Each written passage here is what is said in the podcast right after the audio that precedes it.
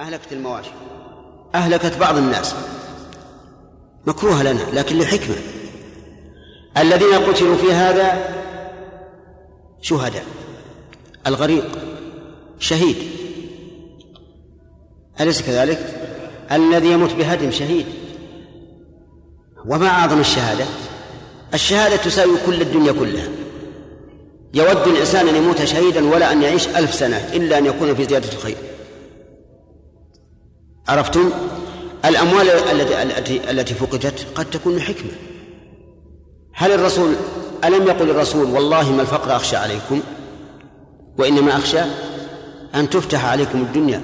ربما تبقى هذه الزروع وهذه القصور وتكون فتنة. تعيننا على المعاصي وتصدنا عن الطاعات. وبفقدها نلجأ إلى الله نعرف قدر أنفسنا. هذا خير ولا, ولا, بقاء هذا خير؟ أيهما أشد؟ خيرا. الأول أنفع للمرء في دينه ودنياه. الذين قتلوا في الحروب وهم يدافعون عن عن, أنفسهم شهداء. حتى وإن كان الإنسان يدافع عن نفسه لنفسه فهو شهيد. أرأيت الرجل الذي قال يا رسول الله جاءني رجل يطلب مالي قال لا تعطه. قال إن قاتلني قال قتل قال إن قتلته قال هو في النار. قال إن قتلني قال فأنت شهيد مع أن هذا يدافع عن نفسه عن ماله. فكان شهيدا. هؤلاء الذين قتلوا شهداء. ولا نقول لكل واحد شهيد لأن ما ما نشهد لكل واحد بعينه لكن على سبيل العموم من قتل دون ماله فهو شهيد ومن قتل دون دمه فهو شهيد. ومن قتل دون أهله فهو شهيد. الشهادة هي هينة. مرتبة عظيمة عالية. الشهداء عند ربهم لهم أجرهم ونورهم. إذن هذا الذي هو في ظاهر الحال مضر علينا ومكروه لنا عاقبته حميدة. هذه حكمة. أما ما ينفعنا فالحكمة فيه ظاهرة أنه إحسان من الرب عز وجل يعيننا إذا كنا صادقين على على البر والتقوى.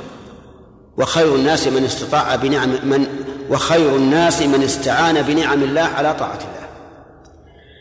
فالحاصل أننا نعلم ونؤمن ونشهد بالله أن كل ما قدره الله عز وجل من خير أو شر أو فتنة أو حرب أو سلم أو غير ذلك فهو إيش؟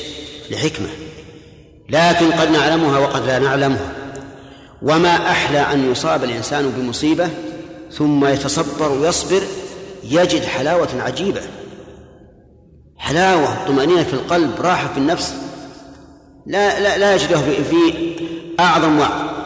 لو يأتي إنسان يعظك من من الصباح إلى الصباح لا لا يؤثر فيك تأثير بعض المصائب.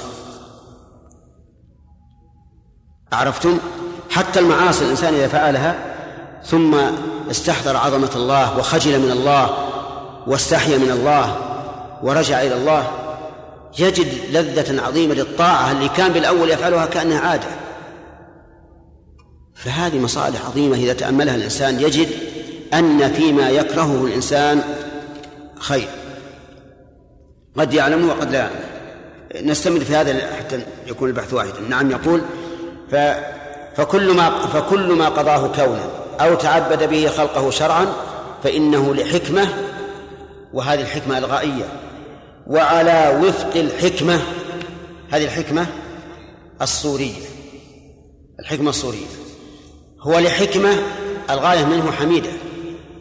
وعلى وفق الحكمة يعني الصورة التي هو عليها موافقة موافقة للحكمة تماما يا سعد. أنت معنا؟ طيب. يقول سواء علمنا منها ما نعلم أو تقاصرت عقولنا عن ذلك. فإنه لحكمة ثم استدل المؤلف لذلك بقوله تعالى أليس الله بأحكم الحاكمين؟ أجب. بلى. ومن أحسن من الله حكما لقوم يوقنون؟ الجواب لا. فلا أحد أحسن من الله حكما لا الكون ولا القدري نعم لا الكون ولا الشرع. ولا أحد أحكم من الله عز وجل. أليس الله بأحكم الحاكمين؟ فإذا عرفت أن الله أحكم الحاكمين علمت أن ما قدره فهو لحكمة عظيمة. إن أدركتها فذاك وإن لم تدركها فسلم الأمر إلى من يعلمها عز وجل. والله أعلم. نعم.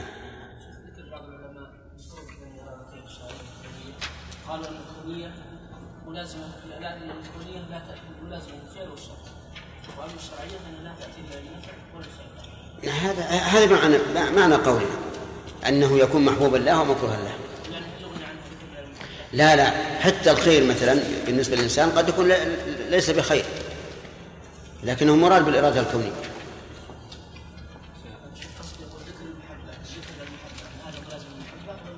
لا لا نقول إن الشرعية بمعنى المحبة. يريد شرعا كقولك يحب. يريد كونا كقولك يشاء.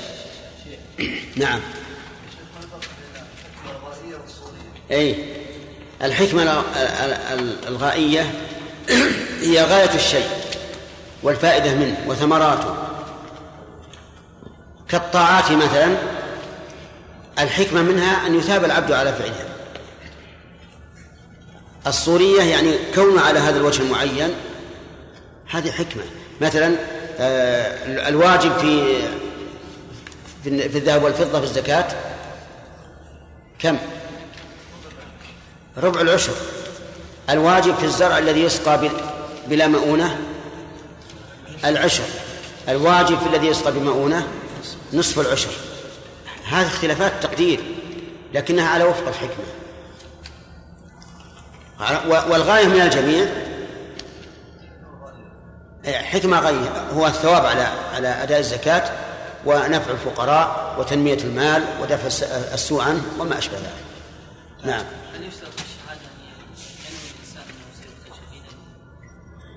ما هو شرط؟ قد لا يعلم الإنسان بذلك. ربما يدافع الإنسان عن نفسه بمقتضى الطبيعة والفطرة ويكون شهيدا وهو لا يدري. نعم. قل.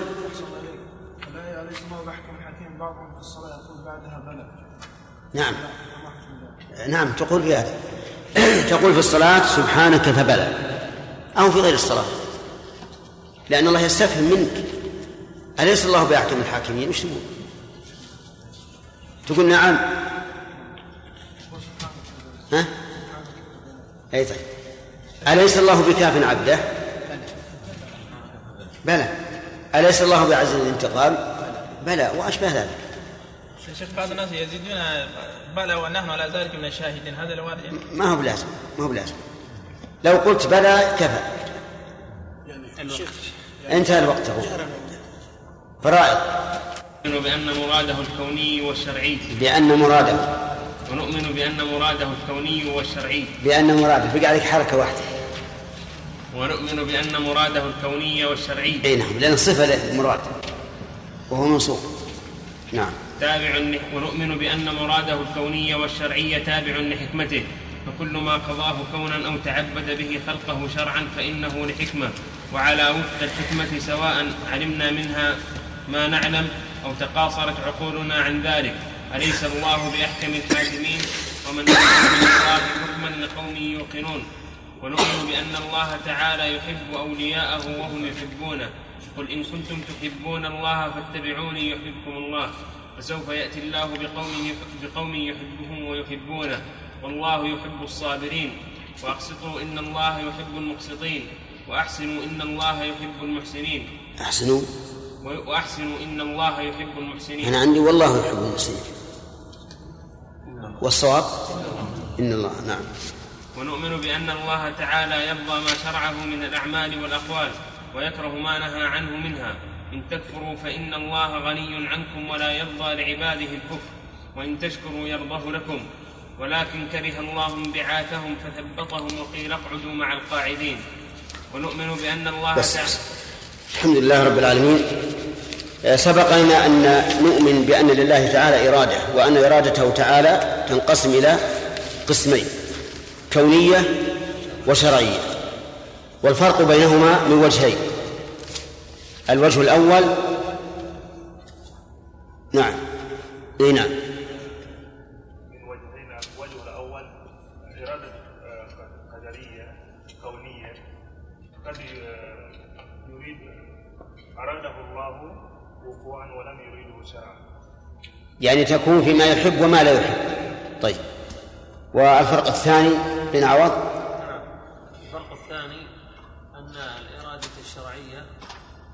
لا يلزم وقوعها وهي محبوبة لله سبحانه وتعالى. والكونية؟ الكونية لا بد أن تقع وإن كانت ليست محبوبة. أحسنت. الفرق بينهما الفرق الثاني الإرادة الشرعية لا بد فيها نعم الإرادة الكونية لا بد فيها من وقوع المراد. لا بد أن يقع. والشرعية قد قد يقع وقد لا يقع. وهذا الفرق بينهما. وإنما قسم العلماء الإرادة إلى ذلك لئلا يقال إن الذي يكرهه الله لا يريده كما قال بذلك بعض المعتزلة أن الذي يكرهه الله لا يريده فيقال إن أردتم لا يريده شرعا فحق وإن أردتم لا يريده قدرا فباطل. وقد قرأنا ما قرأه الأخ شرحنا ما قرأه الأخ من أن هذه الإرادة تابعة للحكمة. قرأنا هذا فلا حاجة إلى إعادتها. قال ونؤمن بأن الله تعالى يحب أولياءه وهم يحبونه. أي نؤمن بأن الله تعالى يحب ويحب. فهو محبوب لأوليائه وأولياؤه محبوبون لديه. فالمحبة متبادلة. دليل ذلك؟ قل إن كنتم تحبون الله فاتبعوني يحببكم الله. ففي هذه الآية إثبات المحبة لله وإثبات المحبة منه. إثبات المحبة له لقوله إن كنتم تحبون الله ومنه لقوله يحببكم الله. وهذه الآية يسميها السلف آية المحنة أي الامتحان لأنها نزلت في قوم يدعون أنهم يحبون الله. فأنزل الله ذلك. وجعل هذا هو الميزان. إن كانوا صادقين في محبتهم لله فليتبعوا الرسول صلى الله عليه وعلى آله وسلم. وإذا اتبعوا الرسول كان الجزاء أعظم مما يدعون.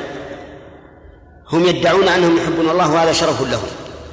لكن الجزاء إذا اتبعوا الرسول أن الله يحبهم وهذا هو الشأن العظيم وهذا هو المقصود العظيم. أن يحبك الله. فليس الشأن أن تحب الله. يعني قد تصدق وقد لا تصدق لكن الشأن كله أن يحبك الله. إذا أحبك الله عز وجل نادى جبريل يا جبريل إني أحب فلانا فأحبه. فينادي جبريل في السماء إن الله يحب فلانا فأحبوه. فيحبه جبريل ويحبه أهل السماء. ثم يوضع له القبول في الأرض فيحبه أهل الأرض ويقبلونه. هذه المحبة أهي محبة حقيقية أو هي مجاز عن الإثابة؟ أجيب يا جماعة. محبة حقيقية وليست مجازا عن الإجازة عن عن الإثابة لأن الإثابة شيء والمحبة شيء آخر. بل الإثابة دليل المحبة لأن الله تعالى لا لا يثيب أحدا إلا حيث يحبه الله عز وجل. وقد انقسم الناس في هذه في المحبة إلى ثلاثة أقسام. قسم قالوا إن الله يحب ويحب وقسم بالعكس قالوا إن الله لا يحب ولا يحب. وقسم قالوا إن الله يحب ولا يحب. فالأقوال إذن ثلاثة والقسمة العقلية تقتضي رابعا لكني لا أعلم به قائلا. الرابع أن الله يحب ولا يحب. لكني لا أعلم بهذا قائلا. فالأقوال إذن كم أخ؟ ما هي؟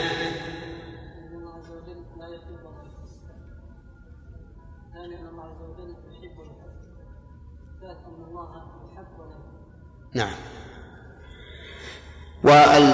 ولا شك أن القول المتعين أن الله يحب ويحب كما في هذه الآية والآيات التي بعدها. يا أيها الذين آمنوا من يرتد منكم عن دينه فسوف يأتي الله بقوم يحبهم ويحبونه. ولا يجد أحد طعم المحبة إلا إذا فعل ما يكون سببا لها. وهو اتباع الرسول عليه الصلاة والسلام. وكلما كان الإنسان للرسول أتبع كانت محبة الله له أعظم. ومحبة الله يجد الإنسان فيها لذة عظيمة. لا يقاربها أكبر لذة في الدنيا. لذة عظيمة وأنسا بالله عز وجل وفرحا به ونورا في القلب ونورا في الوجه. لا يماثله شيء. الذين قالوا إنه لا يحب ولا يحب. شبه عليهم. وقالوا المحبة لا تكون إلا بين نظيرين. بين نظيرين. الرجل والمرأة. الرجل والرجل. المرأة والمرأة. ولا تكون بين شيئين مختلفين. فلا محبة بين الإنسان والجمل. وإذا كان هذا في المخلوقات المتباينة فامتناعه في الخالق من باب أولى. لأن الخالق عز وجل مباين للمخلوق أعظم مباينة. هذه شبهته. وهذه الشبهة منقوضة. أولا بالنص الصريح على ثبوت المحبة من الله ولله. والقياسات العقلية إذا عارضتها النصوص الشرعية كانت باطلة ولهذا قالوا لا قياس مع النص والقياس المبطل النص فاسد الاعتبار. هذه واحدة. ثانيا ادعاؤهم أن المحبة لا تكون إلا بين شيئين متجانسين خطأ. بل قد تكون المحبة بين شيئين بينهما أعظم التباين. فالمحبة بين بين الإنسان وبين بعيره الذي يركبه. ثابتة ولا غير ثابتة؟ اسأل الجمالين. هي ثابتة. حتى إن الجمل يعرف صاحبه من بين الرجال. ولا يجلس إلا عنده. إذا ادعت الحاجة إلى قربه منه.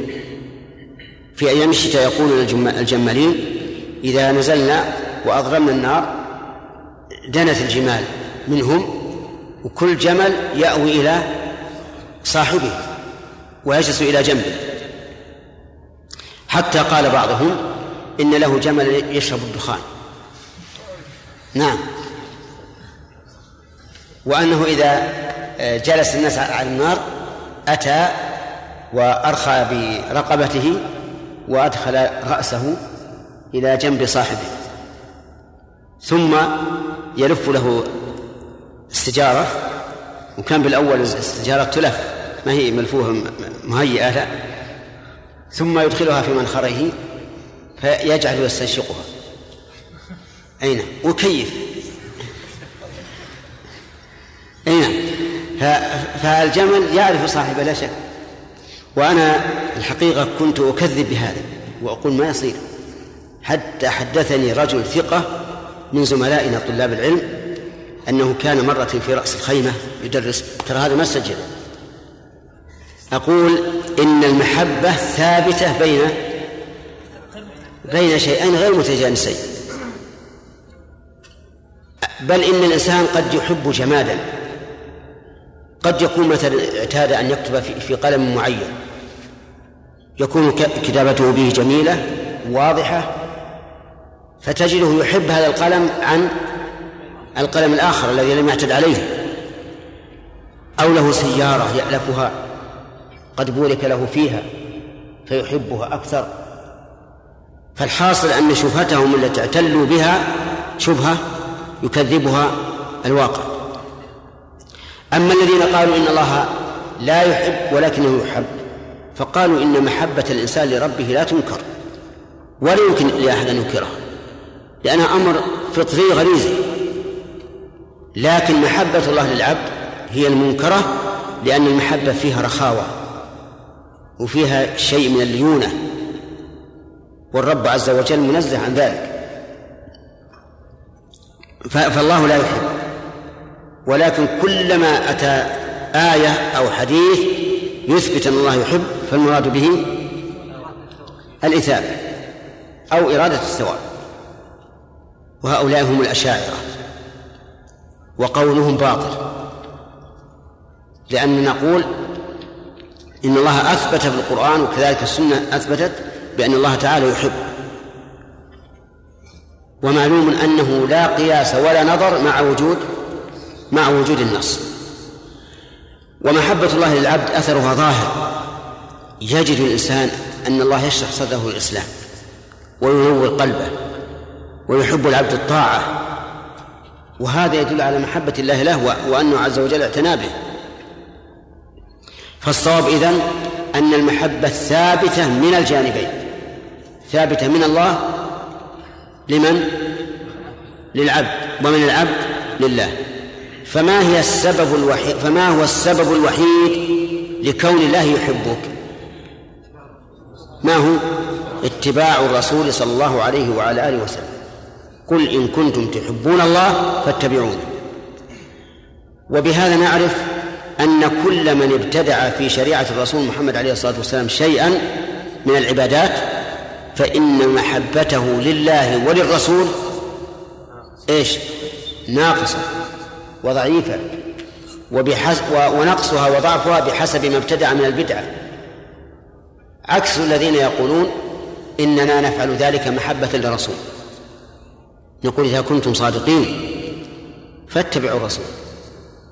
أما أن تبتدعوا في دينه فهذا من أكبر الطعن فيه. وفي وفي كتاب الله. البدعة في الدين طعن في الرسول وطعن في كتاب الله. أما كونها طعن في كتاب الله فلأن الله قال اليوم أكملت لكم دينكم. والبدعة يراها مبتدعها دينا. وهي لم توجد في القرآن ولا في السنة. إذن الآية غير صادقة. ما كمل الدين. لم يكمل إلا بهذه البدعة على زعمه. أما كونها طعنا بالرسول فنقول إما أن يكون الرسول عليه الصلاة والسلام عالما بهذه الشريعة أو جاهلا. لأنه لم يعمل بها قطعا. فإما أن يكون عالما بأنها مشروعة وإما أن يكون جاهلا. ولا ولا ولا بد فإن قلتم إنه جاهل فقد وصمتموه بالجهل وإن قلتم إنه عالم فقد وصمتموه بالخيانة لأنه لم يبينها للناس لا بقوله ولا بفعله ولا بإقراره. فمسائل البدع عظيمة ما هي هينة؟ حتى وإن كانت البدعة في ذاتها هينة فأثرها عظيم. نسأل الله العافية. ولهذا تجد هؤلاء المبتدعين من أبعد الناس عن اتباع الرسول. تجدهم يجتهدون جهدهم في هذه البدعة لكنهم مفرطون كثيرا في أمور مشروعة أهم منها. وتأمل أحوالهم. تجدها. ربما يخرج من هذا المولد إلى القبر. يدعوه ويعبده أليس كذلك؟ ربما لا يصل إلى هذا الحال لكنه عنده فتور في الطاعات. نوافله قليلة صومه قليل صدقته قليلة كثير النظر المحرم إلى النساء والمرجان وغير ذلك. أليس هكذا؟ هذا هو الواقع يا أخوان. إذن كيف تقول إنك ابتدعت هذا محبة الله ورسوله؟ قال فسوف يأتي الله بقوم يحبهم ويحبونه. هذا جواب لشرط محذوف. التقدير يا أيها الذين آمنوا من يرتد منكم عن دينه فسوف يأتي الله بقوم يحبهم ويحبونه. يعني فالله غني عنكم. إذا ارتدتم عن الدين لن تضروا الله شيئا. يأتي الله بقوم غيركم. كما قال تعالى وإن تتولوا يستبدل قوما غيركم ثم لا يكونوا أمثالكم. وقال تعالى والله يحب الصابرين. الصابرين على شريعة الله والصابرين على أقدار الله. وشريعة الله أوامر ونواهي. فهم صابرون على الأوامر صابرون عن النواهي صابرون على الأقدار. فمن كان هذه حالة فإن الله يحبه. وأقسطوا إن الله يحب المقسطين. أقسطوا اعدلوا. إن الله يحب المقسطين. اعدلوا في أنفسكم أو في أهليكم أو في معامليكم أو في من؟ في الجميع. حتى في النفس اعدل. لما أراد عبد الله بن عمرو بن العاص أن يقوم الليل كله وينام ويصوم النهار كله قال له النبي صلى الله عليه وعلى آله وسلم إن لنفسك عليك حقا اعدل حتى في نفسك. ولهذا أوجب العلماء على من خاف الموت من الجوع أن إيش؟ يأكل. وعلى من خاف الموت من العطش أن يشرب. لا يقول والله أنا أنا حر. إذا هلكت فأنا لي أن أهلك نفسي. يقول لا ليس بصحيح. لا يمكن أن أن أن تهلك نفسك. قال الله تعالى ولا تقتلوا أنفسكم إن الله كان بكم رحيما. وبهذا نعرف خطأ من يتبرع بشيء من أعضائه لأحد من الناس. بعض الناس يتبرع بكليته لواحد من الناس. تعطلت كليتاه فقال أنا أريد أن أتبرع له بكليتي من قال هذا؟ كليتك هل هي لك؟ عجيب. لا بس الجواب هش. لا حقيقة. ما هي لك؟ حتى تتبرع بها لأحد أو تبيعها أيضا. وأنت حر والحر لا يباع. ثم إذا قدرنا أنك تقول أنا إن شاء الله لن يضرني هذا وهذا ينفعه نقول نفع هذا الرجل اجعله تسعا وتسعين في المئة. لكن أليس فيه واحد في المئة أنها لا, لا, لا يقبلها الجسم؟ يرفضها. إذن ارتكبنا مفسدة لمصلحة موهومة غير محققة يقينا. ارتكبنا مفسدة يقينا لمصلحة ليست يقينية. ثم هل تأمن أنت إذا تبرعت بكلية من كلاب؟ هل تأمن أن أن تبقى هذه صالحة دائما؟ الباقي يعني. ربما يأتيها مرض. فإذا أتاها مرض معناه أنك أهلكت نفسك. لأنك لن تعيش بلا كلى. إذ أن هذه الكلى تمتص جميع السموم التي في الأطعمة والأشربة. ولو تخلى الجسم عنها لانتشرت فيه السموم وهلك. فأنت لا أخذ إذا طلعت واحدة بقيت عندك واحدة قد تفسد في يوم من الأيام. ثم إن الظاهر لي وأقول ليس عن شرع ولا عن طب. الظاهر لي أن هاتين الثنتين الكليتين تتعاونان. وأنه إذا انفردت إحداهما ثقل الحمل عليها وصار هذا أقرب إلى تعبها وفسادها.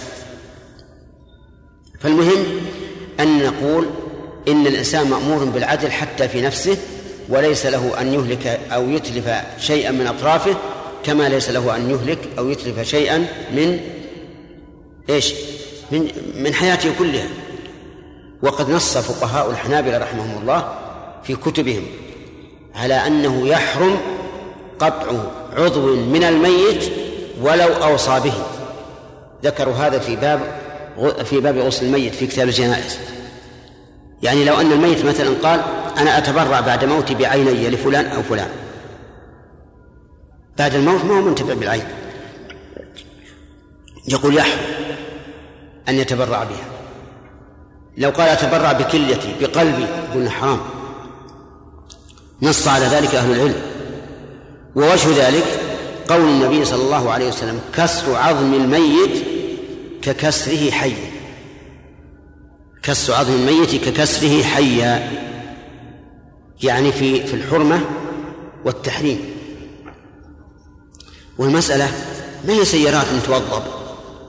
الإنسان إذا أتاه مرض من عند الله وأراد واختار الله له أن يموت فهو إن لم يمت اليوم مات غدا وربما يكون موته خيرا له. كم من إنسان يكون بقاؤه في الحياة شرا؟ كما في الحديث شركم من طال عمره وساء عمله.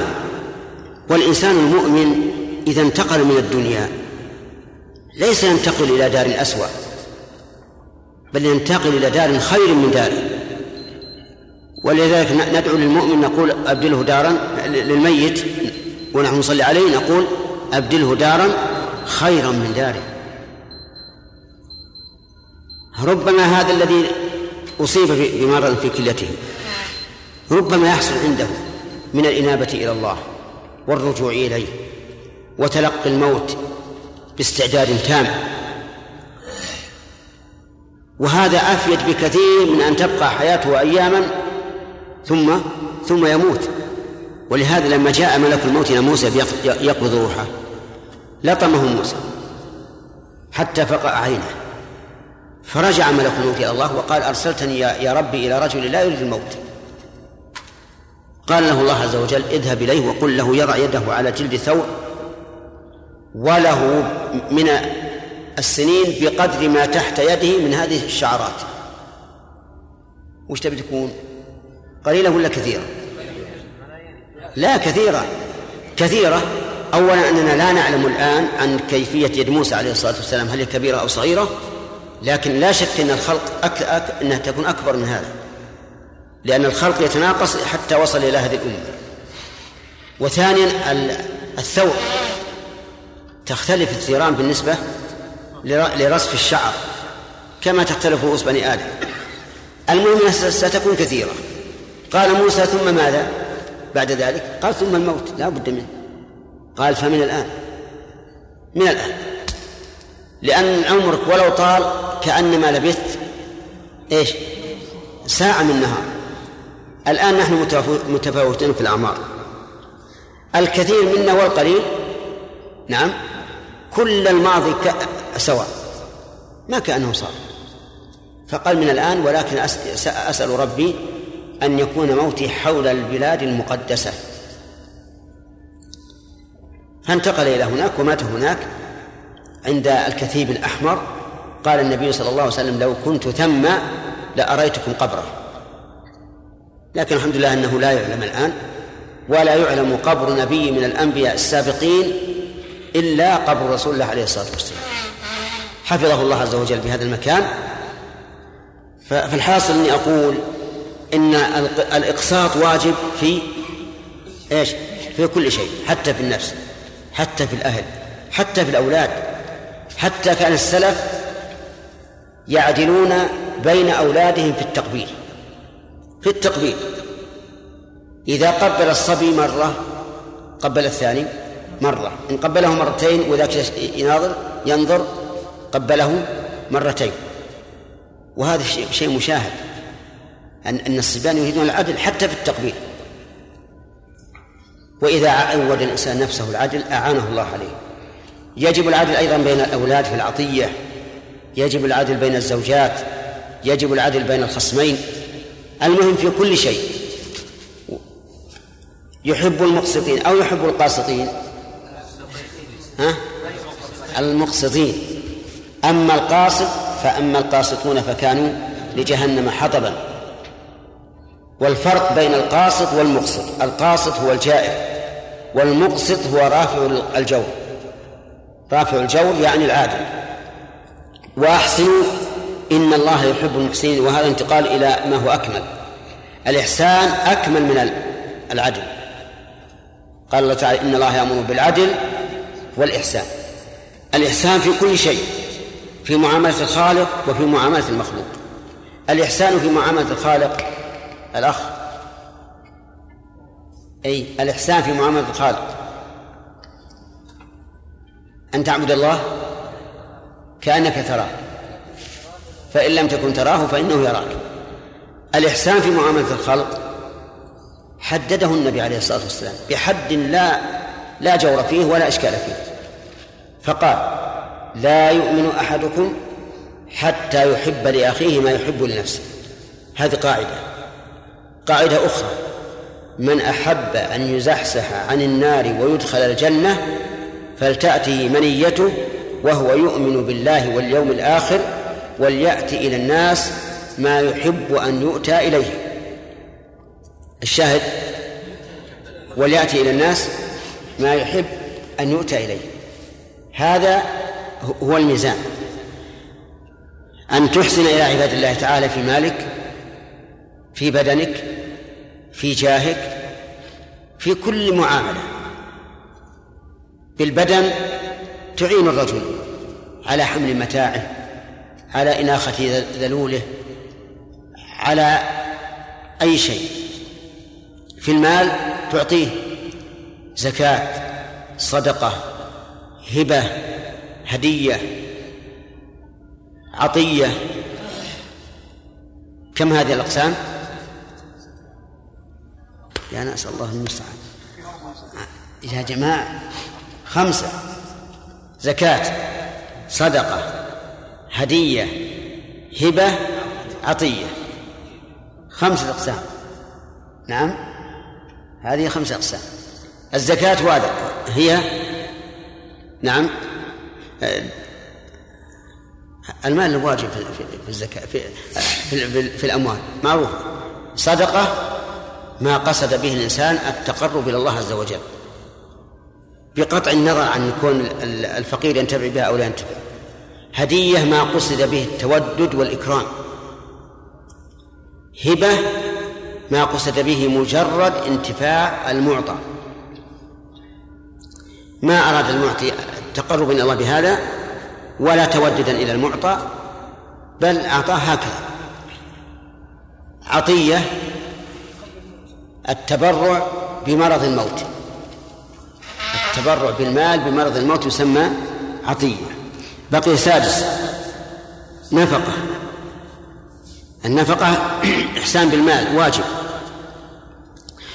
كذلك أيضا تحسن إلى إلى إلى الخلق بجاهك بالشفاعة توسط. لكن بالشفاعة الجائزة. أما الشفاعة المحرمة فلا تجوز. مثل أن تشفع بإسقاط واجب فإذا بلغت الحدود السلطان فلعن الله الشافع والمشفع له. والله أعلم. نعم. سامع شيخ التبرع بالدم هل يدخل في التصرف فيما لا حق لنا به؟ لا التبرع بالدم لا بأس به لأنه يخل... يأتي خلفه. يأتي خلفه شيخ بارك الله فيكم جاء في الحديث في آخره رب يقي مساحة أرجع إلى أهلي ومالي نعم. المراد بالأهل والمال آه المراد بالمال ثواب المال. وأهل أهل لأنه يقول والذين آمنوا واتبعتهم ذريتهم بإيمان ألحقنا بهم ذريتهم. لكن شيخ سياق الحديث نعم. لأنه يرى موت مكان في الجنة ويفتح له فيأتي بروحه وريحانها. إيه. فما المناسب بين هذه وهذه؟ أهله وين موجودين؟ أهله ليسوا موجودين الآن فيحب أن يتعجل الاجتماع بهم. قال يرجع كان يرجع إلى الدنيا. لا لا. هو مؤمن بيوم الحساب. أرجع إلى أهل مالي يعني في الجنة. نعم. الله يعني عشق إيش؟ عشق الله. الله يهديك يعني صوفيا يكون الصوفي صوفي بارك الله فيك. نعم. مشتق منين؟ من الصوف. والصوف يكون على إيش؟ على كل حال هذه اختلف العارفون كما يقولون. والصحيح أنها لا تجوز وأنها حرام. لكن يوصف الله بالود وهو الغفور الودود. يوصف بالخلة. واتخذ الله إبراهيم خليلا. ولكني أسألك أيما أعلى الخلة أو المحبة الخله ليش لأن إبراهيم عليه السلام كان يحبه الله كان يحبه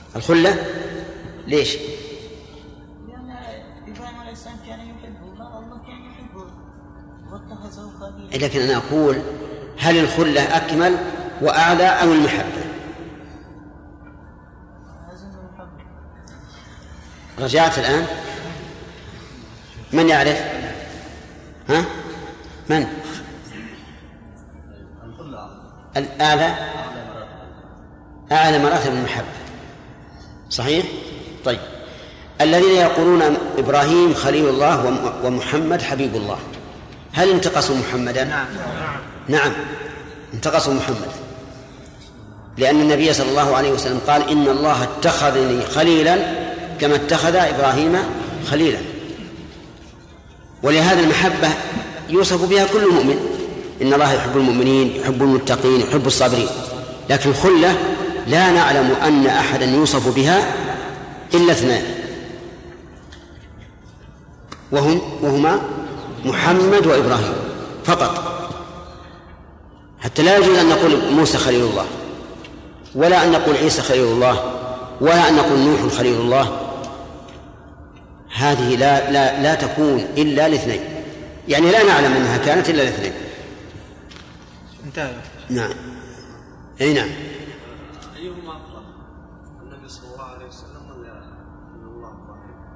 لا محمد عليه الصلاة والسلام أفضل من من الجميع. يقول الناظم وأفضل الخلق على الإطلاق نبينا فمل عن الشقاق. وأفضل الخلق على الإطلاق نبينا فمل عن الشقاق.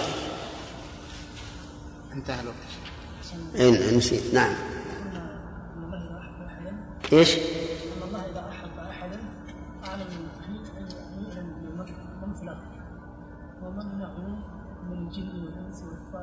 إيش؟ أنا الحين أول ما سمعت صوتك واللي اللي غير ما, ما سمعت. سمعتم شيء يقول؟ ها.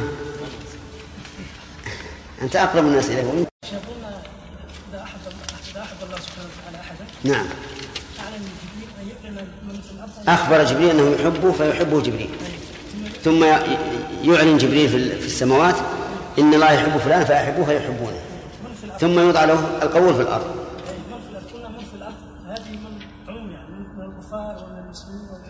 ما هو بالظاهر؟ الظاهر من المؤمنين الذين يحبون الله. لماذا أقول هكذا؟ وإلا ظاهر الحديث العموم. أقول هكذا لأن الكفار يبغضون الرسول عليه الصلاة والسلام لا شك. وهو أحب الناس إلى الله فيما نعلم فالظاهر أن أن العبرة بمحبة المؤمنين. وقد يقال إن قوله يوضع له القبول أعم من المحبة. وهذا أيضا يرد عليه مسألة أن الكفار لا يقبلونه. فالظاهر أن المراد بذلك أولياء الله. يعني الذين يحبون الله يحبون هذا. نعم. الوقت يا شيخ. أي نعم. الوقت يا ذكر عند ذكر العلو قال بذاته نعم. الاستواء قيده بذاته نعم. لكن عند ذكر المعية والنزول والمجيء لم يقيدها بذاته أي نعم. هي إنما إنما قيدنا هذا لأن الخلاف في مسألة العلو أنه علو الصفة وليس علو الذات واضح معلوم. فهمت؟ وكذلك الاستواء. المعية أيضا الخلاف فيها واضح.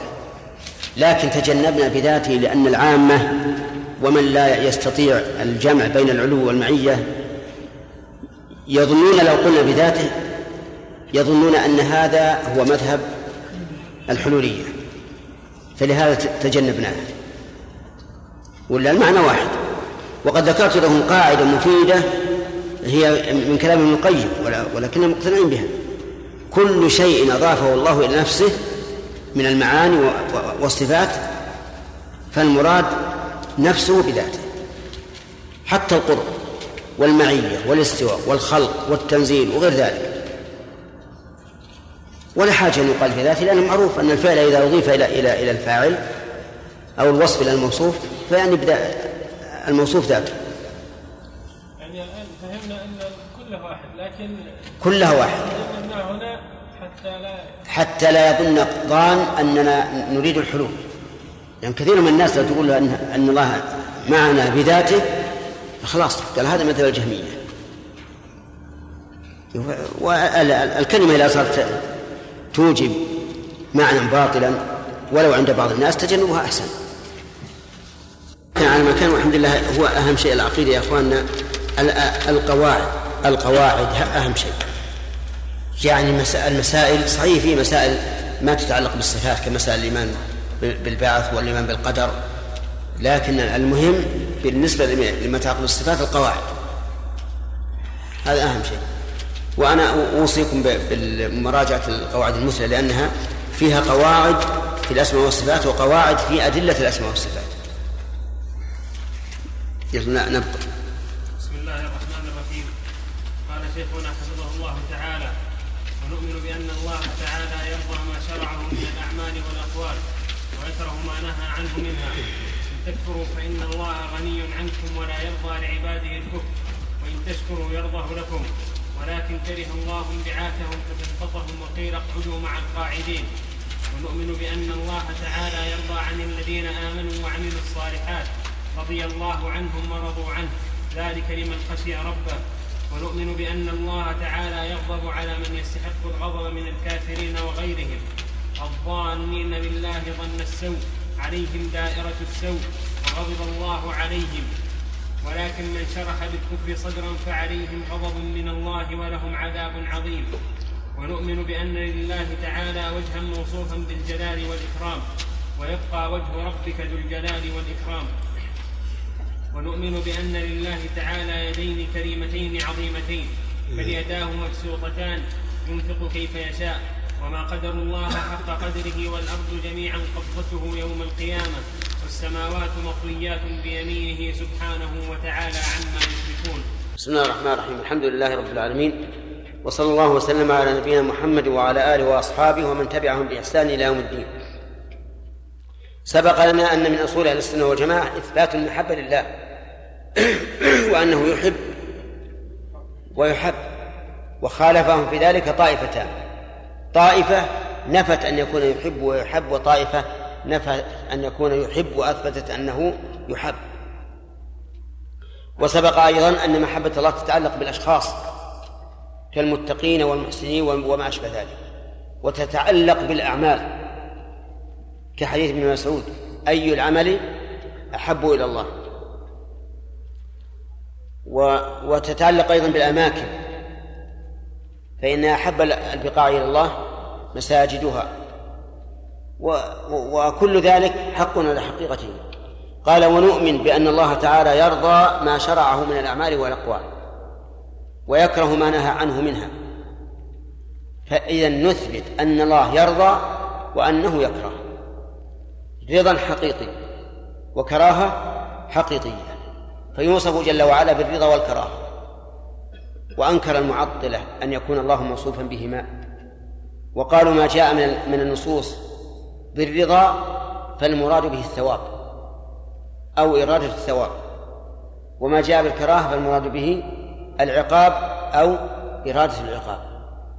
وهذا بناء بناء على مذهبهم الفاسد وأنتم تعلمون أن هؤلاء المعطلة يبنون تعطيلهم على أدلة عقلية وهي في الحقيقة ليست عقلية بل هي وهمية.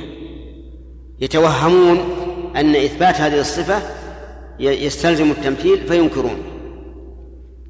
الدليل إن تكفروا فإن الله غني عنكم. وإذا كان غنيا عنا هل يتضرر؟ من يتضرر؟ الكافر. يتضرر الكافر. وإن ولا يرضى لعباده الكفر. ولا يرضى لعباده الكفر. هذا نفي الرضا. فهو بمفهومه يدل على أنه يرضى منهم الإيمان ولهذا صرح به في قوله وإن تشكروا يرضه لكم وفي هذه الآية دليل على أن شكر النعمة من الإيمان وكفرها من من الكفر. دليل دليل الكراهة قال ولكن كره الله انبعاثهم فثبطهم وقيل اقعدوا مع القاعدين. اللهم أجرنا. هذه الآية خطيرة جدا وميزان. كره الله انبعاثهم أي في الجهاد. وقيل اقعدوا مع القاعدين. فاحذر فتش. إذا رأيت نفسك متكاسلا عن الخير اخشى أن يكون الله كره انبعاثك في الخير. ثم أعد النظر مرة ثانية. وصبر نفسك وأرغمها على الطاعة. واليوم تفعلها كارها وغدا تفعلها طائعا هينة عليك. والمهم أن هذا فيه تحذير شديد لمن رأى من نفسه أنه مثبط عن الطاعة فلعل الله تعالى كره أن يكون هذا الرجل من عباده المطيعين له. فثبطه عن الطاعة. نسأل الله أن يعين على ذكره وشكره وحسن عبادته. الشاهد من هذه الآية قوله كره الله انبعاثهم فثبطهم وقيل اقعدوا مع القاعدين لم يقل وقال لهم اقعدوا مع القاعدين لأن الله لا يأمر بالفحشاء. لكن قيل اقعدوا من القائل؟ النفس. لا مو الله. النفس. فالنفس تحدث الإنسان تقول اقعد ما هو المرة هذه؟ اذهب المرة الثانية. الشيطان يثبط عن الخير. جليس السوء يثبط عن الخير. ولهذا حذف الفاعل أي القائل ليكون أشمل. فالذين يقولون يقولون مع القاعدين هم عدة. ذكرنا ثلاثة منهم النفس والشيطان وجليس السوء. ونؤمن بأن الله تعالى يرضى عن الذين آمنوا وعملوا الصالحات. وهذا هو إثبات الرضا السابق لكن السابق رضا الأعمال واللاحق رضا العامل. وهذا هو الذي جعل نفصل نفصل هذا من ذاك. وإلا فالصفة واحدة الصفة واحدة وهي الرضا.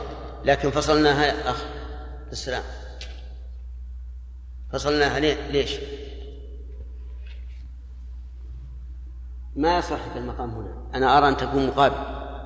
لأنك هنا تصلح بلا شك. ما يردك إلا يمكن صنعة ولا اللي ورا صنعة. أحسنت. الأول رضا الأعمال والثاني رضا العاملين. هذا هو الذي جعلنا نفصل هذا عن ذاك. وإلا فالصفة واحدة وهي إيش؟ الرضا. وهي الرضا. طيب. إذن الله تعالى يرضى عن العمل ويرضى عن عن العامل رضي الله عنهم ورضوا عنه ذلك لمن خشي ربه. كما قلت لكم أهل التحريف من الأشاعرة وغيرهم لا يؤمنون برضا الله عز وجل. يقول المراد بالرضا إيش؟ الثواب أو إرادة الثواب. وإنما قالوا أو إرادة الثواب لأنهم يثبتون الإرادة. طيب. رضي الله عنهم يعني على كلامهم. ها؟ أثابه رضوا عنه قالوا أيضا الإنسان ما يرضى عن الله. ما يرضى عن الله. يرضى بالله لكن لا يرضى عن الله. وش معنى رضي عنهم؟ رضوا عنه أي عملوا له أو عملوا لطلب رضاه. طيب. ذلك أي الثواب المشار إليه جزاؤهم عند ربهم جنات عدن تجري من تحتها النهار خالدين في أبدا. ذلك لمن خشي ربه. فمن خشي الله عز وجل واتقاه فإن الله تعالى يرضى عنه. وسيرضى عن الله تعالى بما يثيبه. ونؤمن بأن الله تعالى يغضب على من يستحق الغضب من الكافرين وغيرهم. والغضب ضد الرضا. فمن فمن عقيدة أهل السنة والجماعة أن الله موصوف بالغضب على من على من يستحقه من الكافرين وغير الكافرين. وفي دعاء اللعان يا محمد رامس في دعاء اللعان الخامسة. لا لا لا ما تقول لعنة الله عليه. أن غضب الله عليه. طيب. آه فما هو الغضب؟ الغضب صفة من صفات من صفات الله الفعلية. هم يقولون إن الغضب لا يوصف الله به. لأن الغضب غليان دم القلب. والله عز وجل لا يوصف بهذا. فهل الغضب غليان دم القلب؟ نعم هو غليان دم القلب. لأن النبي صلى الله عليه وسلم أخبر بأنه جمرة يلقيها الشيطان في قلب ابن آدم فتنتفخ الأوداج وتقف الشعور ويحمر الوجه. لكن هذا هذا غضب من؟ غضب المخلوق. أما غضب الخالق فليس هذا. بل هو غضب يليق بجلاله وعظمته عز وجل. طيب. قال تعالى الظانين بالله ظن السوء عليهم دائرة السوء. هذا وصف قوله تعالى ويعذب المنافقين والمنافقات والمشركين والمشركات. إيش؟ الظانين بالله ظن السوء عليهم دائرة السوء. وغضب الله عليهم. الشاهد من هذه؟ وغضب الله عليهم. فما هو ظن السوء بالله؟ ظن السوء بالله أجمع ما قيل فيه أن يظن في الله ما لا يليق به. أن أن يظن في الله ما لا يليق به. هذا أجمع ما قيل في ظن السوء. فمن ظن أن الله لا ينصر أولياءه نعم فقد ظن به عبد الله بن عوض. طيب. و ومن ظن أن الله ناقص في صفاته فقد ظن به ظن السوء. ومن ظن أن الباطل يعلو الحق علوا دائما مستمرا فقد ظن بالله ظن السوء. ومن ظن أن الله لا يبعث العباد ويجازيهم فقد ظن به ظن السوء. وهل مجرد؟ فظن السوء قاعدة إيش؟ أن يظن بالله ما لا يليق به. هذا هو ظن السوء. قال الله تعالى عليهم دائرة السوء. يعني عليهم يدور السوء ويحيط بهم من كل ناحية. وغضب الله عليهم وقال تعالى ولكن من شرح بالكفر صدرا فعليهم غضب من الله ولهم عذاب عظيم. لكن استدراك مما سبق وهو قوله من كفر بالله من بعد إيمانه إلا من أكره وقلبه مطمئن بالإيمان ولكن من شرح بالكفر صدرا فعليهم غضب من الله ولهم عذاب عظيم. إذا نحن نؤمن بالغضب. فبماذا يفسره أهل التعطيل؟ قالوا الغضب هو الانتقام أو إرادة الانتقام. وهذا غلط. يكذبه القرآن. قال الله تعالى فلما آسفونا انتقمنا منهم. فلما آسفونا انتقمنا منهم. آسفونا بمعنى أغضبونا انتقمنا منهم. فجعل الانتقام نتيجة الغضب. ومعلوم أن الشرط والجزاء يختلفان. الشرط فلما آسفونا والجزاء انتقمنا منه. فهما شيئان متغايران فالقرآن يكذب قولهم إن الغضب هو الانتقام. وكذلك أيضا إرادة الانتقام ليست هي الغضب. لأن الغاضب يغضب أولا ثم يريد أن ينتقم ثانيا ثم ينتقم ثالثا. ولكن نفيهم للغضب الحقيقي مبني على الدليل الوهمي الذي الذي سموه عقليا. نعم. كذلك نؤمن بأن بأن لله تعالى وجها موصوفا بالجلال والإكرام ولقوله ويبقى وجه ربك ذو الجلال والإكرام. وجه الله عز وجل. صفة من صفاته. لكن هل هو صفة معنوية أو صفة فعلية أو صفة خبرية؟ طيب نشوف. هل هو صفة خبرية أو صفة فعلية أو صفة معنوية؟ الأول؟ تمام. لأن بعض الناس يأخذ بالأخير. نعم ويقول الضمير يعود على أقرب مذكور. وهذا غلط. نقول الوجه صفة خبرية ما هو معنوية ولا فعلية.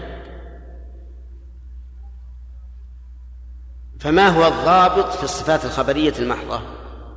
قال الشيخ الإسلام رحمه الله من صفات الله تعالى ما مسماه أبعاض لنا وأجزاء لنا.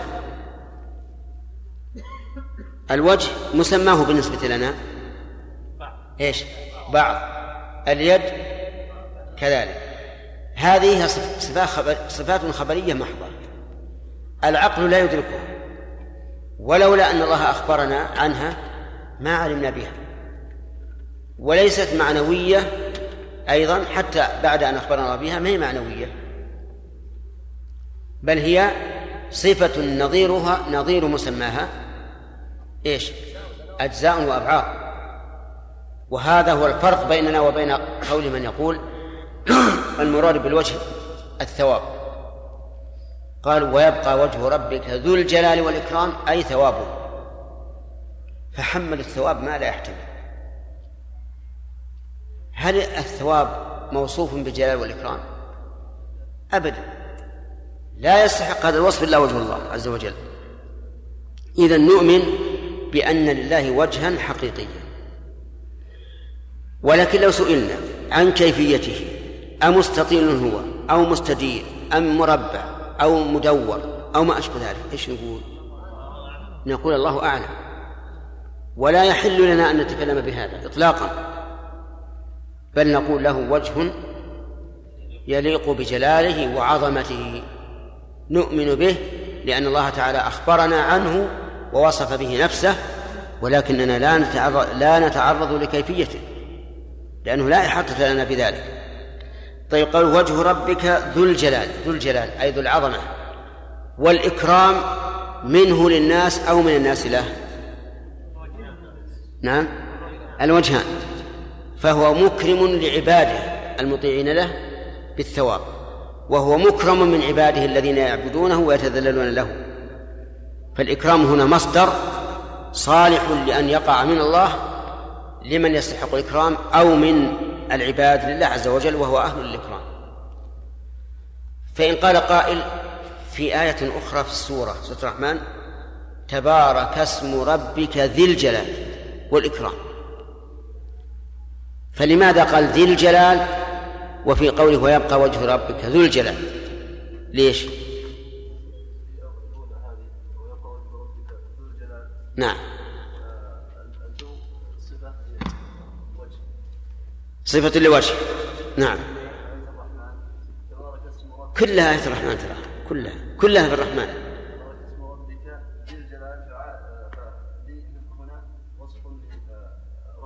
نعم. تمام.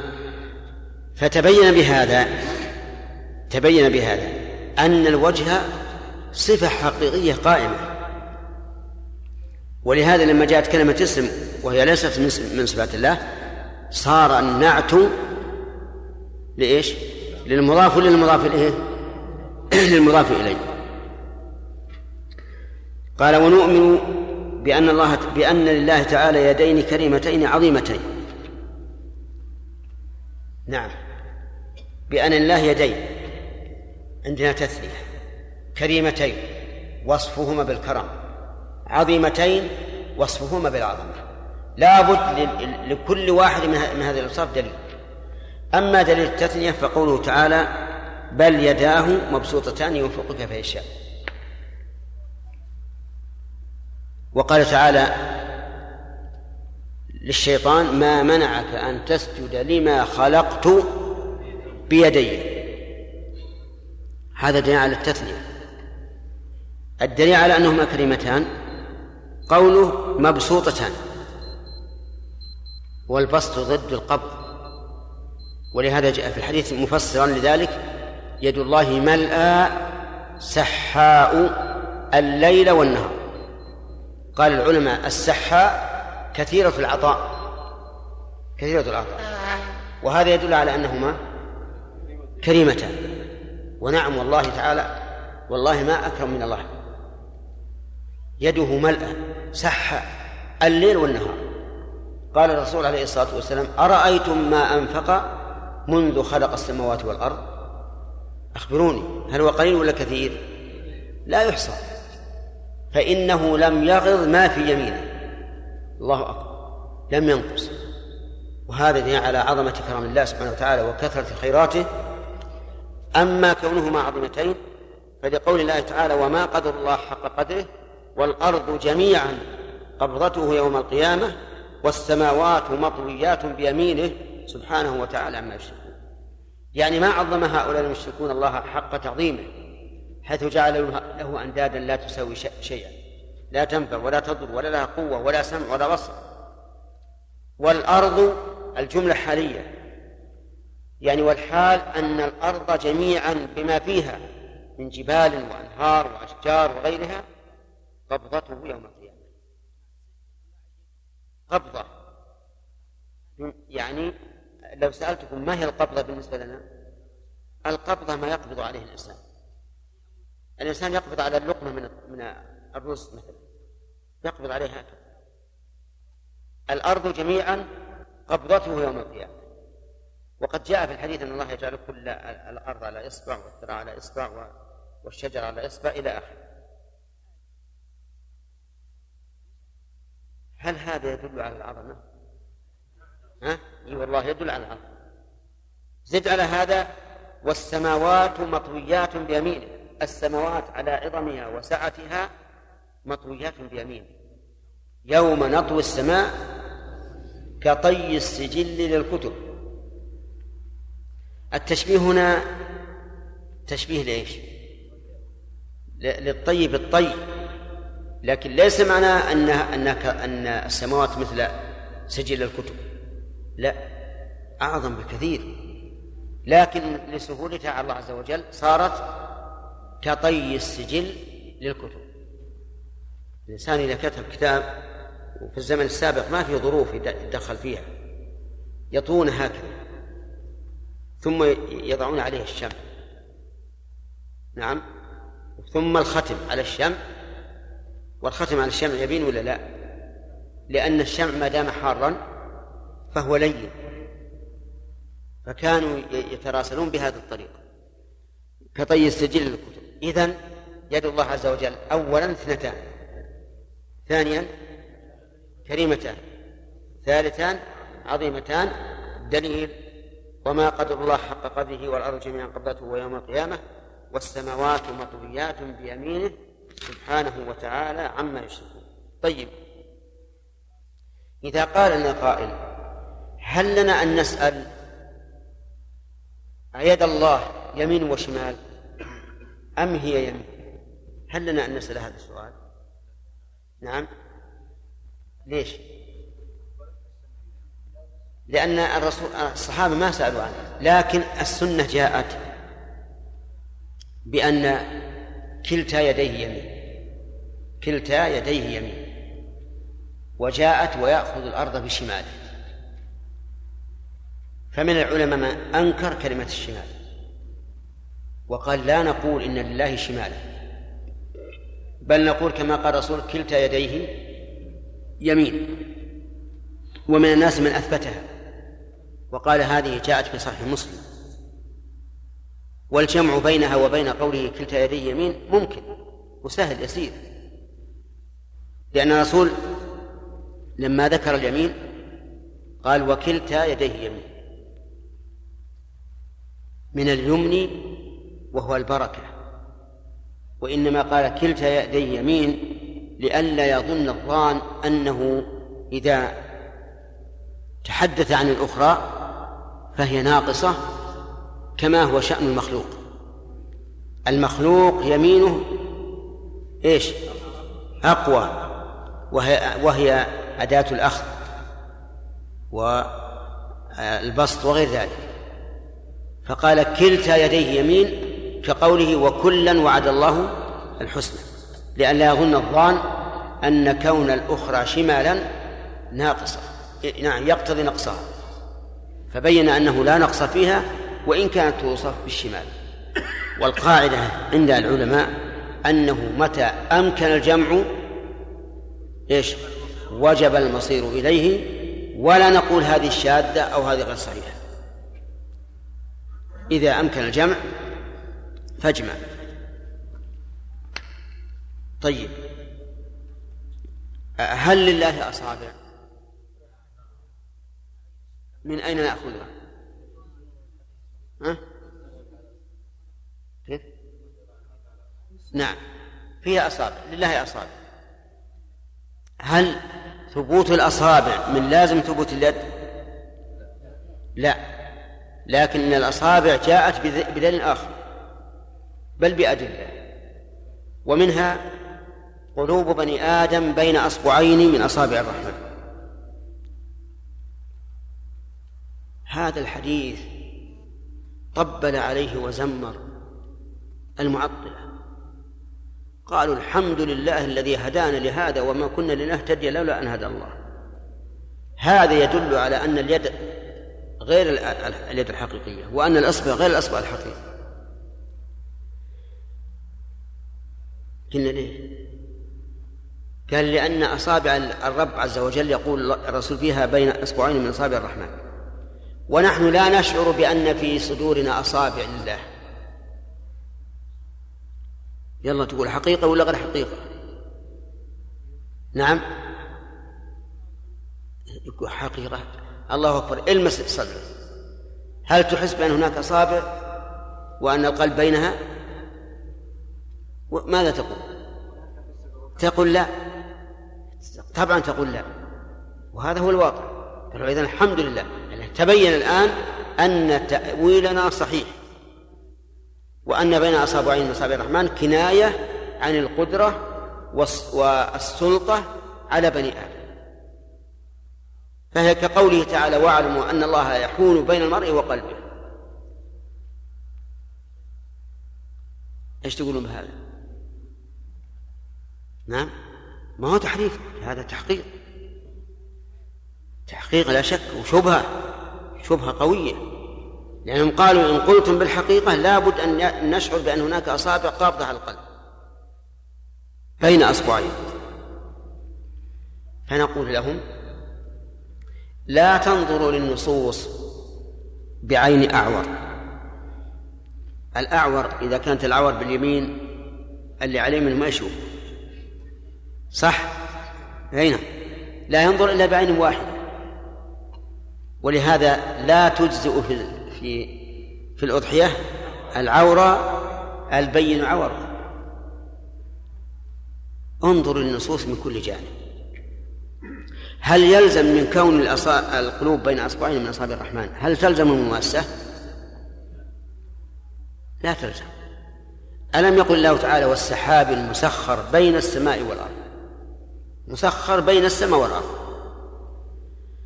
وهل هو يمس السماء؟ لا. يمس الأرض؟ لا. إذن البينية لا تقتضي المماسة. لا تقتضي المماسة. فإذا كانت لا تقتضي لا تقتضي المماسة بل لا تستلزم الأصح لا تستلزم المماسة. فإذا كانت لا تستلزم المماسة نقول القلوب بين أصبعين من أصابع الرحمن ولا ولا يلزم المماسة. واضح؟ وبهذا نجمع بين الأدلة. نقول قلوبنا بين أصبعين من أصابع ربنا ونسأل الله أن لا يزيغها ولكن ما لا يلزم من هذا المماسة ونؤمن بأنها حق على حقيقتها. لكن كما قلنا إن الله عز وجل بحكمته أنزل النصوص وجعل بعضها متشابها امتحانا من الله سبحانه وتعالى. ليبتلي من في قلبه زيغ ممن هو راسخ في العلم. ولهذا قال الراسخون في العلم ولم يقل العلماء انتبهوا يا إخوان التعبير. منه آيات محكمات هن الكتاب وآخر من الشبهات فأما الذين في قلوبهم زيغ فيتبعون ما تشابه من ابتغاء الفتنة والفتنة وابتغاء تأويله. ثم قال والراسخون في العلم ولم يقل والعلماء.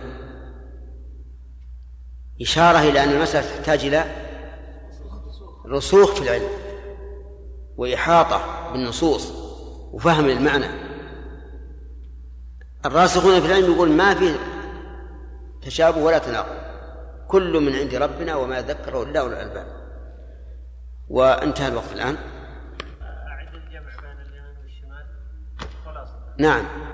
خلاصته ان ان أننا نثبت بأن الله شمالا وأن معنى قول الرسول عليه الصلاة والسلام كلتا يديه يمين أي من اليمن وهو البركة. وأنه قال لما ذكر اخترت يمين ربي وكلتا يديه يمين مباركة آه، إنه ذكر ذلك لئلا يتوهم واهم بأن الشمال ناقصة. فقال كلتا يديه يمين. نعم يحيى. بينتم في صفة اليدين كل شيء. فكان قوله تعالى يد الله هنا يد مفرد و إيش؟ يد الله فوق أيديهم إيش؟ يد الله فوق أيديهم. نعم. يد هنا مفرد. نعم. وأيديهم أيضا آه، جمع. جمع. نعم. ما بينت وجهه ما هو لا ما ما ذكرنا إحنا إلا آية في الموضوع. فما هو الإشكال؟ ما- في إشكال. لكن قد يقول قائل مثلا يد الله هنا مفرد. وهناك آه قلنا أحسن. حدثنا يدين. هذه لو لو لو لو اننا صبرنا لين تأتي صفة العينين أيضا. العينين جاءت بالجمع والإفراد واليد جاءت بالجمع والإفراد والتثنية. لكن أنا أقول يا إخواني قال الله تعالى والسماء بنيناها بأيد أي بقوة. فهل تعدوني معطلا؟ لا لا. لا يا إخوان. أنا أقول أيد المراد بها القوة.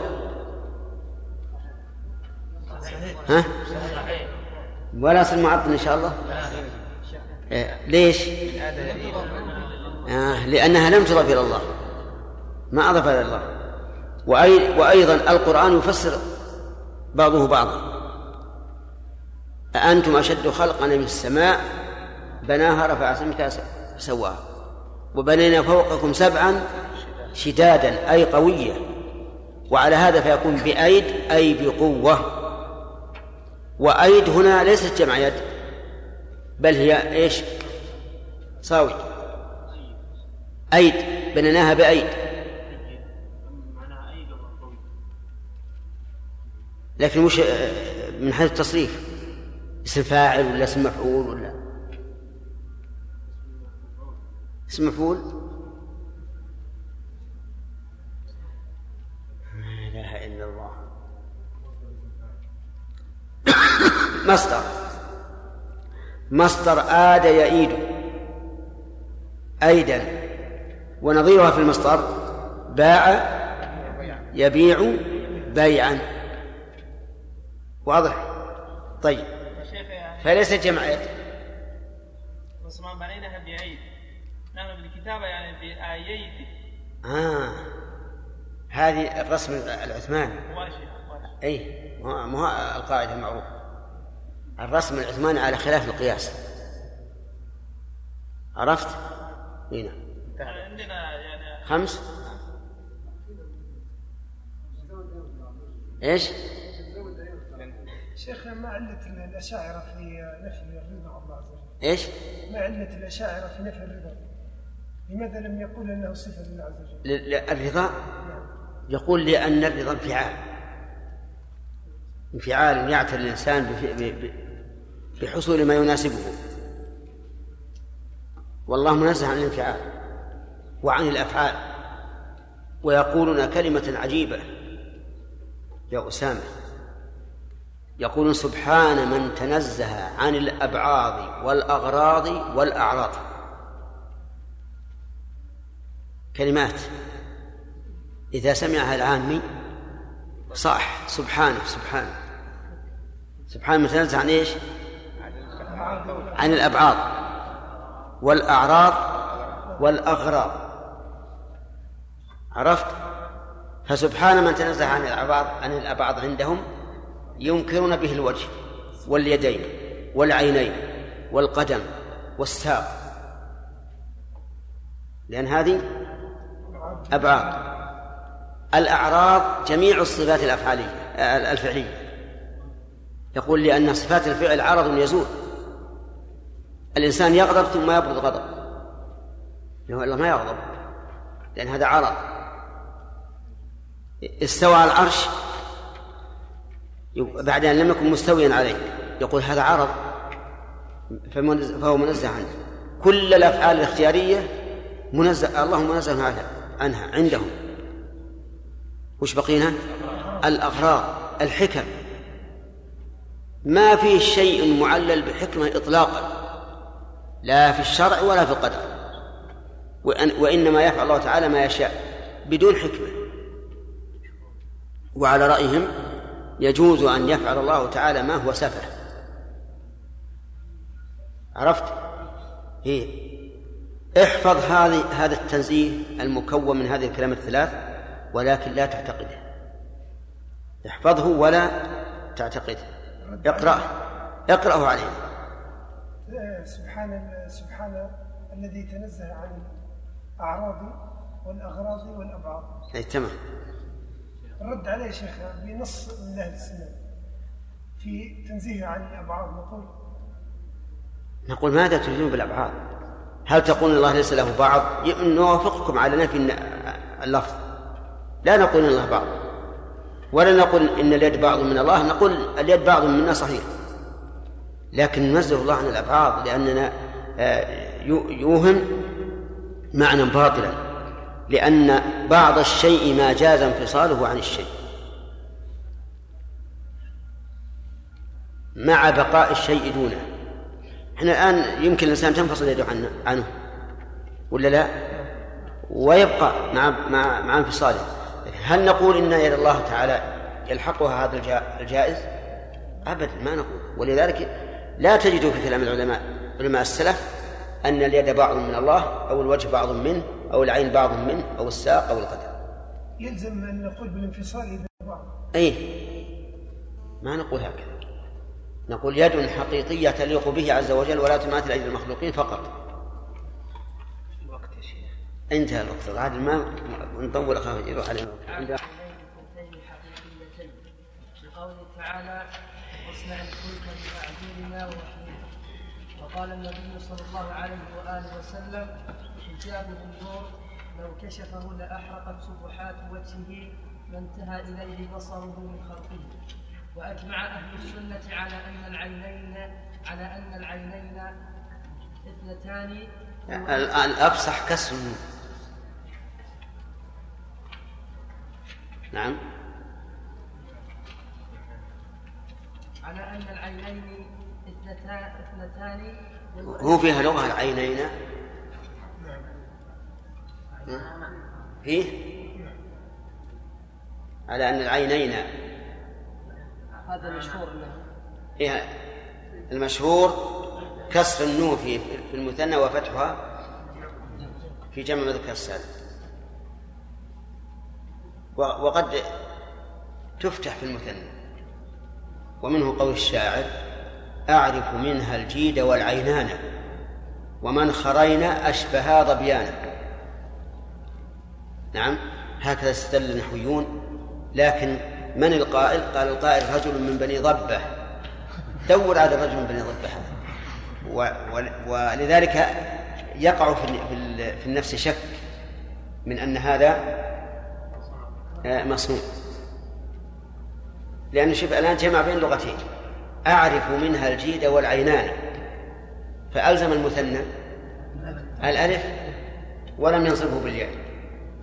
ومن خرينا نصبه بالياء. والعربي ما يمكن يأتي بلغتين. العربي لغته ولهجة واحدة. فلذلك لو قيل يعني القول بأنه مصنوع يعني مكذوب قول قول نعم. وأجمع أهل السنة على أن العينين كتان ويؤيده قول النبي عليه الصلاة والسلام. ويؤيد عندني ويؤيده ويؤيده لا لا بالواو. ما عندك واو؟ هي واو قبل يؤيد. ما قرأت الواو قبل يؤيد. ويؤيد. نعم. ويؤيده قول النبي صلى الله عليه وآله وسلم في الدجال إنه أعور. وإن ربكم ليس بأعور نعم نعم. نؤمن كذلك بسم الله الرحمن الرحيم. نؤمن كذلك بأن بأن لله تعالى عينين اثنتين حقيقيتين. بأن لله عينين هذا تثنية. اثنتين تأكيد. حقيقيتين نفي للمجاز.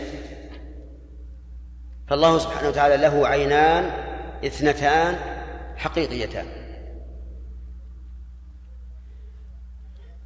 الدليل قول الله تبارك وتعالى واصنع الفلك بأعيننا. اصنع الفلك بأعيننا. فإن قال قائل الدليل لا يطابق المدلول لأن لأننا قلنا عينين واستدلنا بأعيننا ومن شرط الدليل أن يكون مطابقا للمدلول. فكيف ذلك؟ أقول إن وجه المطابقة أن قوله بأعيننا جمع لفظا لا معنى. جمع لفظا لا معنى. كيف ذلك؟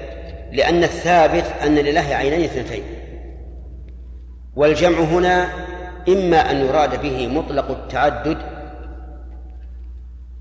وإما أن يراد به التعظيم. فإن أردنا مطلق التعدد فهو على قول من يقول إن أقل الجمع اثنان. وإذا قلنا المراد به التعظيم صار المراد بهذا الجمع التعظيم لا حقيقة العدد. لا حقيقة العدد. وكلاهما صحيح.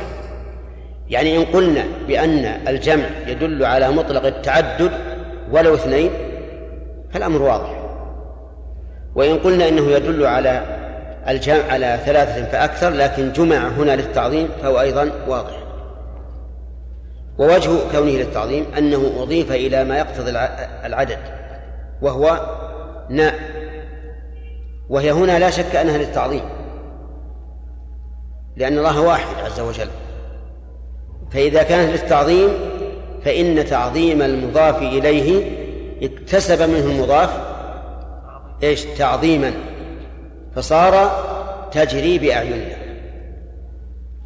وليس لله أكثر من ثنتين. فهذا تقرير وجه الاستدلال بالآية.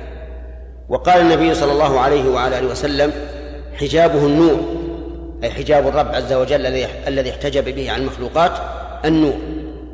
وهو نور عظيم عظيم عظيم. لا يشابه نور الشمس ولا غيرها. مما نشاهد بل هو أعظم. ومع ذلك لو كشفه لأحرقت سبحات وجهه ما انتهى إليه بصره من خلقه. السبحات البهاء والعظمة والجلال. لو كشف هذا النور الحائل بين الله وبين الخلق لأحرقت سبحات وجهه ما انتهى إليه بصره من خلقه. الشاهد من هذا الحديث قولنا قوله بصره. حيث أثبت لله تعالى بصرا وقوله لأحرق سبحات وجهه ما انتهى إليه بصره لا يقال إن هذا دليل على أن لبصر الله منتهى ولكنه فيه دليل على أن المبصر له منتهى دون البصر. وإذا كان يحترق ما انتهى إلى البصر من خلقه صار كل الخلق يحترق كل الخلق يحترق. لو كشف الله حجابه الذي احتجب به عن الخلائق لاحترقت الخلائق كلها. من أي شيء؟ من النور العظيم. من النور العظيم. لم ما لا أحرق سبحات وجهه وهو بهاؤه ونوره وعظمته ما انتهى إليه بصره من خلقه. فسبحان الله العظيم. يعني هذا تمثيل عظيم جدا. فدل ذلك أيضا على أن هاتين العينين يبصر بهما جل وعلا.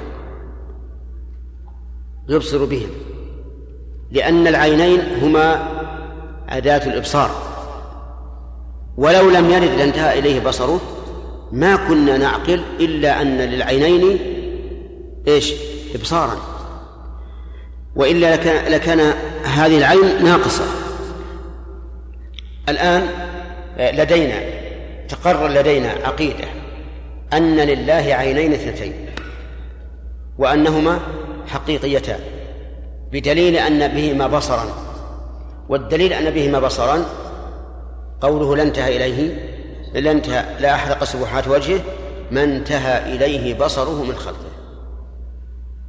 وأما قول بعض الناس ليش تثبت أن الله يرى بعينه؟ من أين لك هذا؟